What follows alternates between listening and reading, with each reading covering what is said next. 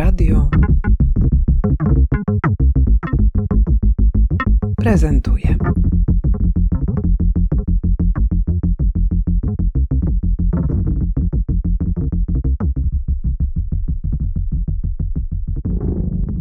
Udało się coś wybrać? Z katalog na razie przejrzałam. Ale szukała Pani czegoś konkretnego, czy tak po prostu... Na prezent walentynkowy. A, no dobra, i co? I które napisy były najfajniejsze? Chyba te, nie wiem, czy Pani przeglądała ten katalog pod kątem napisów, czy raczej pod kątem e, wyglądu tych e, rzeczy? Nie, tutaj te większe dzbanki przeglądałam.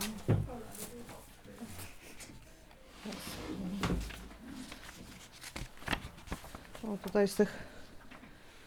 No i co? I który jest najfajniejszy? Pewnie ten, którego nie mamy już. A którego nie ma? Tego, tego chyba nie ma. Aha. Ten właśnie jest. Ten jest? Jest na witrynie, nie ma tego i Ja nie myślę, ma że tego. to się dopasuje. Każdy coś dopasuje sobie. Jest ten numer 8. On tam stoi na Marta Łępicka. Jestem jedną trzecią Glitch Lab, która jest odpowiedzialna za komunikację w zespole, no i poza zespołem. Arkadiusz Szwed i ja w zespole Glitch Lab jestem ceramikiem. Dorota Stępniak, kuratorka i dyrektorka kreatywna Content Story. Asia Rymaszewska, też jedna trzecia Glitch Lab i ja się zajmuję takim ogarnianiem. Bardzo fajnie gościć Was pod księgarnią Galerią Benca. Stoimy teraz na ulicy, właściwie na chodniku przy ulicy Mokotowskiej. Jest taki weekendowy ruch i weekendowe zainteresowanie, wzmożone zainteresowanie naszą niesamowitą witryną, w której znajduje się Wasza praca. Zacznijmy więc od opisania koncepcji tego czegoś, co się zdarzyło w Bencu, co jest trochę prowokowane walentynkami, ale tylko, tylko trochę. Rzeczywiście to, co nas skusiło do tego, żebyśmy w ogóle zaczęli rozmawiać w Gliczu, jest przede wszystkim miłość do trzeciego gatunku i żeby spojrzeć na trzeci gatunek porcelany jako na zasób, będąc świadomym tego, jak cenny jest to materiał i ile energii jest potrzebne, żeby go wytworzyć, plus też jak mało dzisiaj potrzeba, żeby odrzucić trzeci gatunek. W sensie ten proces został już opracowany do perfekcji i przez to zatracamy to, co jest błędem i dopatrujemy się wręcz tego, co jest, co powinniśmy odrzucić. I Dobra, czekaj, bo to brzmi fascynująco, ale tak jakby zaczęliśmy rozmowę od środka. Kto się podejmuje powiedzenia, czym jest Glitch Lab? Okej, więc Glitch Lab jest, tak jak było wspomniane, kolektywem. W Glitch Labie są trzy osoby, Marta, Asia i ja. I Glitch Lab jest takim miksem, na pewno jest trochę street artu, na pewno jest dużo ceramiki, mam nadzieję, że jest dużo kreatywności. Mi się wydaje, że Glitch Lab wybrał też sobie materiał porcelanowy, specjalnie też ten trzeci gatunek, i można go porównać trochę do podobrazia, na którym chcemy coś zamanifestować. I rzeczywiście manifestujemy. Pierwszy manifest był to Fuck the Porcelain, czyli ogólna historia o tym, jak ważny jest ten materiał, czym w ogóle jest porcelana, jak powstaje i czym jest tak naprawdę trzeci gatunek. A teraz na tym podobraziu, jakim jest właśnie czajnik, e, manifestujemy kolejne rzeczy. I tak jak Dorota wspomniała, teraz manifestujemy podprogowo zakochaj się w trzecim gatunku, nie odrzucaj go. Gdzie ten trzeci gatunek brzmi jakby była to jakaś nowa era człowieka. Trzeci gatunek zamieszkiwania planety Ziemia. Wytłumaczcie proszę, o co chodzi, bo jest to bardzo ważne w Waszej praktyce i ja może podpowiem, że chodzi o to, że robicie porcelanowe przedmioty, ingerując w ich gotową materialność za pomocą rozmaitych zakłóceń. Tak, zakłóceń. Tak, tak, tak. Skupiamy się głównie na błędzie, jak nazwa wskazuje, Glitch Lab, laboratorium błędu i my staramy się pokazać, że e, błąd, który jest uznawany przez całe społeczeństwo za błąd, a przede wszystkim przez społeczeństwo fabryczne, to w rzeczywistości jest nic innego jak trzy wady, które e, dzielą ten e, produkt od ideału. Co jest moim zdaniem ogromną stratą materiałów w dzisiejszych czasach, kiedy ten zasób e, tracimy tak naprawdę i powinniśmy go odzyskiwać. No bo stoimy przed witryną, w której są te produkty przygotowane przez Was, oczywiście ręcznie, oczywiście z jakąś taką pasją i zaangażowaniem, ale jednak obiekty, które za chwilę staną się użytkowe, bo trafią do osób, które je kupują. I to jest też bardzo ważne w Waszej praktyce, żeby to nie były tylko i wyłącznie takie obiekty teoretycznie reprezentujące te idee, o których mówicie, ale też, żeby to się przekładało na codzienny użytek. I kontekst, w którym tworzycie, właśnie to, że żyjemy w późnym kapitalizmie, że żyjemy w epoce antropocenu, który wynika w dużej mierze z nadprodukcji i ze złego użytkowania tych zasobów, które mamy, to wszystko jest taką podbudową ideową, bardzo silną dla Waszych działań. To, co jest dla Was oczywiste, to znaczy, że istnieją jakieś odrzuty czy rzeczy, które są niedoskonałe i one mogą pomóc w wytworzeniu nowej jakości, to na przykład jak ważna jest dla Was skala możliwego oddziaływania czy ingerencji takich projektów jak te realizowane przez Glitch Lab dla zmiany w ogóle postaw czy też zmiany nawyków, które rządzą światem designu z jednej strony, a konsumpcji z drugiej. Myślę, że tutaj jeszcze jakby trzeba wrócić w ogóle do rewolucji przemysłowej, która wzbudziła takie dążenie do perfekcji, że my mamy być równi maszyną, że wszystko musi być powtarzalne.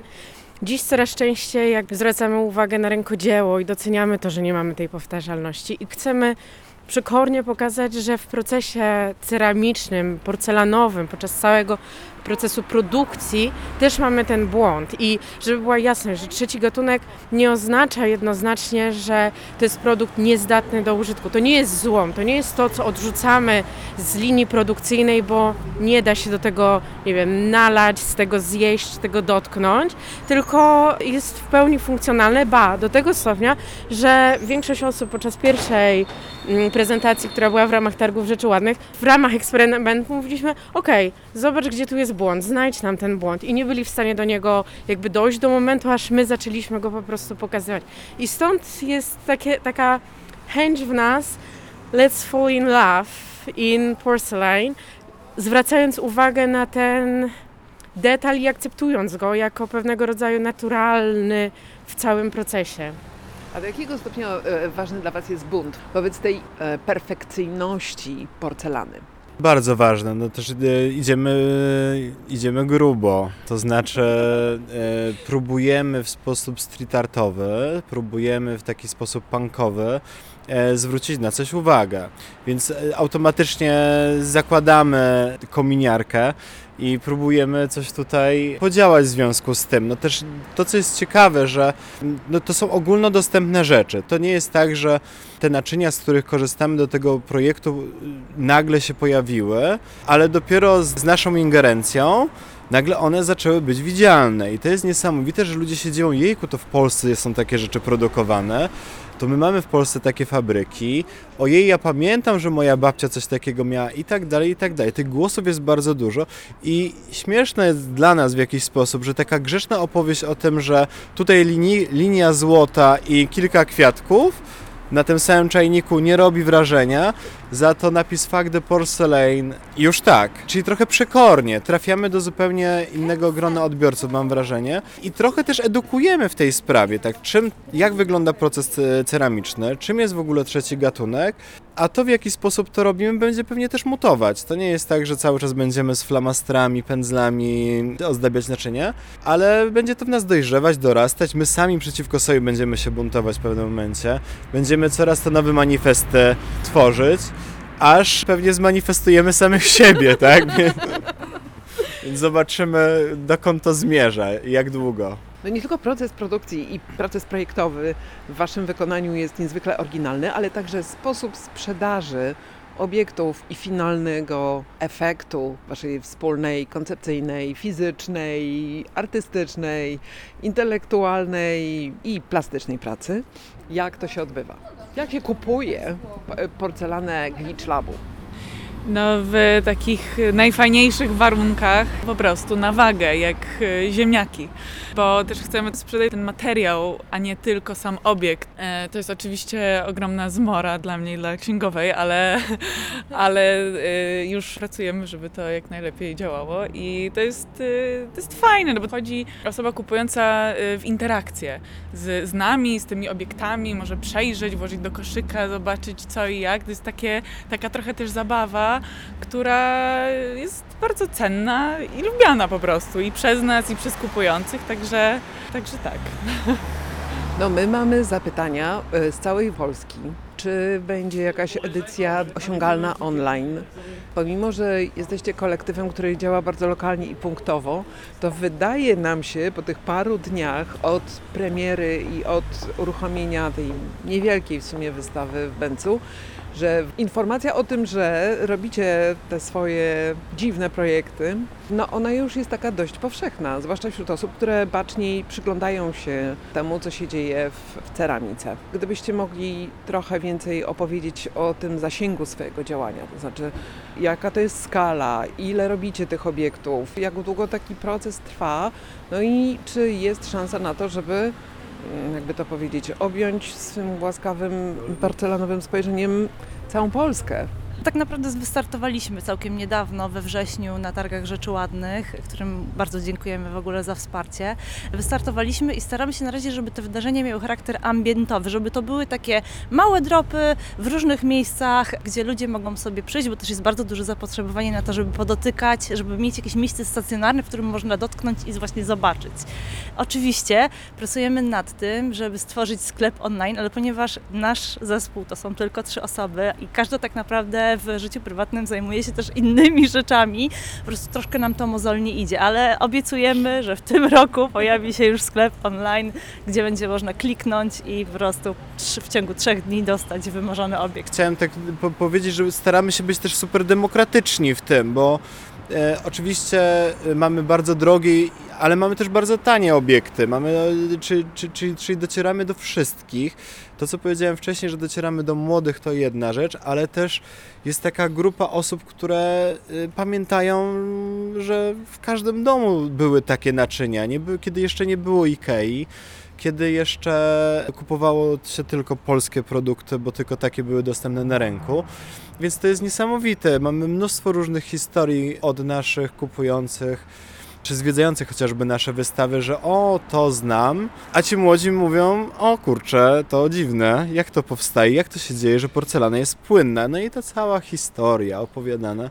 Mam wrażenie, że dociera bardzo szeroko i liczymy na to, że uda się, że dotrzemy też poza granice naszego kraju. Chciałam Was teraz zapytać o to, jak wymyślacie hasła, które następnie znajdują się w formach manifestu na Waszych wytworach. To ja zacznę od tego głównego hasła, e, czyli Fuck the Porcelain, które chyba mi towarzyszy bardzo długo, bo Fuck the Porcelain z mojej perspektywy to jest Fuck the System, Fuck the Process, Fuck the Material, Fuck the police. Fuck the Police also.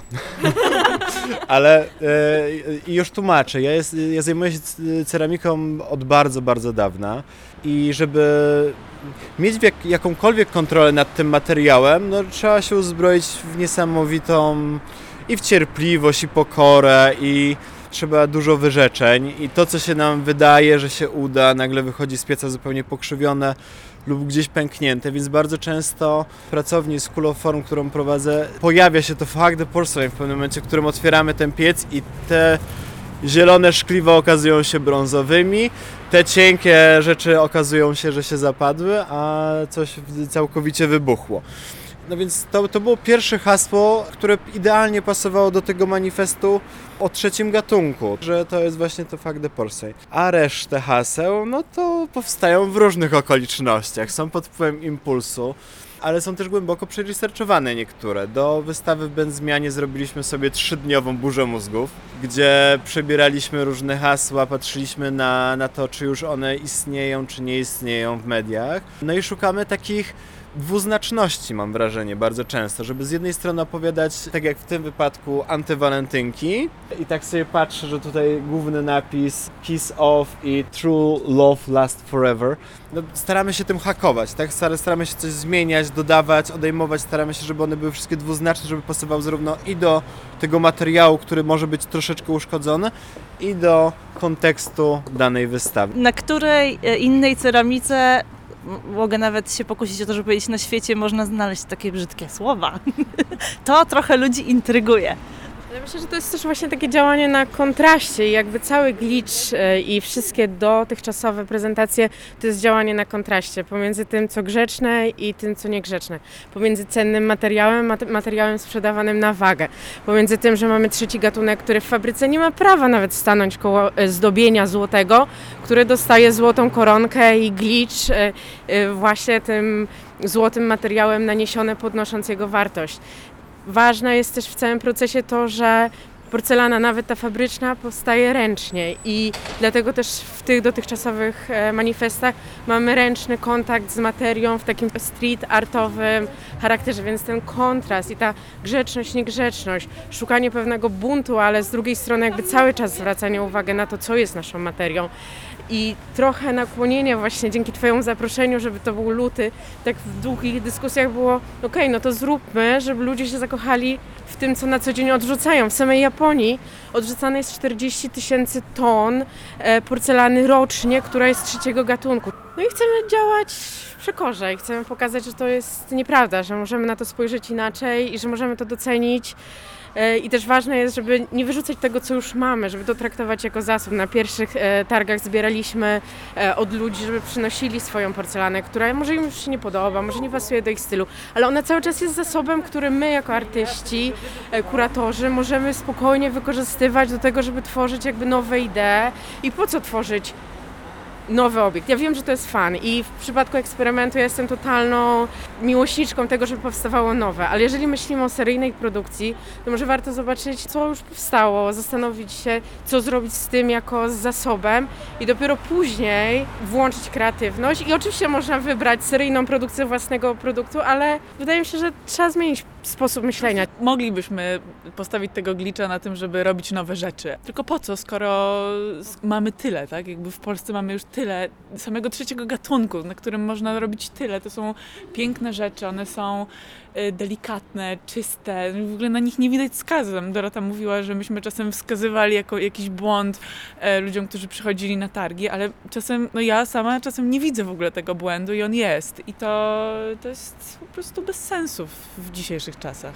w czasach e, marzenia o gospodarce obiegu zamkniętego. Przy okazji robienia witryny Arek wybierał książki, które powinny stanowić tło dla wystawy, prezentacji. I tutaj są takie tropy, które ewidentnie odnoszą się właśnie do tego, o czym mówiliście, to znaczy do dbałości o to, żeby być spójnymi z filozofią, że mniej znaczy lepiej że nie tylko historia całego zawodu, którym jest projektowanie ceramiki, jest dla Was istotna, ale także konsekwencje, no, z którymi dzisiaj musimy się mierzyć w świecie nadprodukcji i katastrof spowodowanych błędnie podejmowanym rozwojem. A na koniec, tak już chciałam Was zapytać o to, czy w domu używacie swoich wyrobów? Na czym jecie? Z czego pijecie? Są to dokładnie w przypadku moim Jarka głównie odpadki ceramiczne, ponieważ Arek ma bezpośrednią styczność z ceramiką, to takich rzeczy jest bardzo dużo, ale tak, mamy kilka rzeczy, które są kolejnym gatunkiem po trzecim gatunku, czyli nieudanymi próbami Glitch Lab produkcji. Ale też produkcji Arkadiusz Szwed. Tych też mamy dużo, bo one też się psują. Ale to jest bardzo ciekawe zjawisko, bo ja oczywiście też zbieram inne rzeczy od innych ceramików, artystów i projektantów. I rzeczywiście między nami kwitnie taki handel wymienny trzecim gatunkiem, bo one dla nas są najbardziej rzeczywiste. Na nich po prostu widać, jak bardzo skomplikowaną mamy pracę. I uważam, że jest to fajne. Wcale ich użyteczność nie jest gorsza. Więc tak, używamy trzeciego gatunku. No, My ogólnie mamy bardzo dużo ceramiki, to trzeba też, bijemy się w pierś tutaj. Więc mamy nie, bardzo duże zasoby. I ja akurat nie jestem konserwatystą i piję z różnych naczyń, ale no ciężko przychodząc do nas na trzy spotkania pić z tego samego naczynia. O. Potwierdzam, potwierdzam. U mnie też dużo jest ceramiki i porcelany, ale mimo wszystko jakby staram się wchodzić w nią w wersję taką minimalistyczną. Więcej rzeczy zbieram jako po prostu obiekty, które są jakimiś manifestami, czy też moich podróży, czy też jakichś spotkań i są takimi właściwie ikonkami, które nawiązują do pewnej myśli, czy właśnie jakichś emocji, które się pojawiły. Natomiast tak to staram się wchodzić w wersję minimalistyczną, a jeszcze pandemia i jedne ze słów, które przeczytałam, że zostawiajmy taki dom, jakbyśmy, jakby ktoś miał po nim wejść po nas i żeby było mu w nim wygodnie, czyli żeby nie było w nim za dużo gratów, to staram się to jeszcze bardziej wdrażać i kontemplować, no ale wszyscy wydaje mi się, że zwłaszcza działający w naturze kreatywnej, łakniemy dotyku, łakniemy formy. Wydaje mi się, że jest to coś, co powinniśmy cały czas kontemplować, jakby cały czas się nad tym zastanawiać, na ile ta materia jest ważna, wybierać to, co jest ważne i nie bać się też z czymś żegnać i puszczać to dalej. Wydaje mi się, że to właśnie Arek pięknie robi ze swoją porcelaną, że coś często na przykład, z czego nie korzystam, może żałuję, ale coś pijemy u niego kawę jest, no chcesz to, podoba ci się, to weź. Ja mówię wtedy brutalne nie, ale właśnie w taki sposób powinniśmy, wydaje mi się, że działać, tak jak mała wioska, która mając, nie boi się dzielić dalej i przekazywać pewnych rzeczy i pewnych idei, żeby one sobie krążyły pośród nas, jako właśnie takie pamiątki czy manifesty jakichś spotkań. Ja muszę powiedzieć, że to jest bardzo tutaj, to jest ta sytuacja, którą w tej chwili mamy w Bęcu. Wiele osób jest uwiedzionych przez e, te obiekty, które widać w witrynie. Bardzo się przerzedził już ten stoliczek, na którym stoją Wasze wyroby. E, Mamy bardzo interesujące rozmowy przy okazji wybierania tego obiektu, który za chwilę oddali się wraz z nabywcą czy nabywczynią w nieznanym nam kierunku. No i trzeba powiedzieć, że widać, że ludzie naprawdę doceniają tego rodzaju pracę. Więc może skończmy, bo tu się robi jakiś taki tłum. Ten odcinek bęcowy to jest oczywiście kolejny jakiś wybryk, glicza. Ale co dalej? Czy już coś planujecie? Czy macie coś na myśli w najbliższym czasie? Wydaje mi się, że działamy tak trochę pod impulsem, który do nas, e, do nas spływa i jakby e, jest to pewnego rodzaju zawsze inspiracją jesteśmy otwarci na tego typu wrzutki, które mogą się nam pojawić na zasadzie zadania projektowe albo przeciwko czemu chcemy działać albo za, za czym chcemy manifestować. Mamy różnego rodzaju rozważania i jakieś pomysły i kierunki, w którą stronę chcemy iść, ale też e, wydaje mi się, że dzisiaj, zwłaszcza w Gliczu i zwłaszcza myśl, myśląc o buncie, powinniśmy sobie pozwolić na trochę nieplanowanie, rozwijanie działań sukcesywnie, odpowiadając na to, co niesie nam rzeczywistość, bo tak naprawdę nie wiemy, co ważnego się wydarzy na świecie i chyba na to jesteśmy otwarci przede wszystkim, jakby żeby Glicz był takim papierkiem lakmusowym, który odbija to, co się dzieje wokół nas i tak mało optymistycznie. Fajnie. Dobra, czyli następny odcinek pewnie wiem, antywojenny. Wojenny pokój.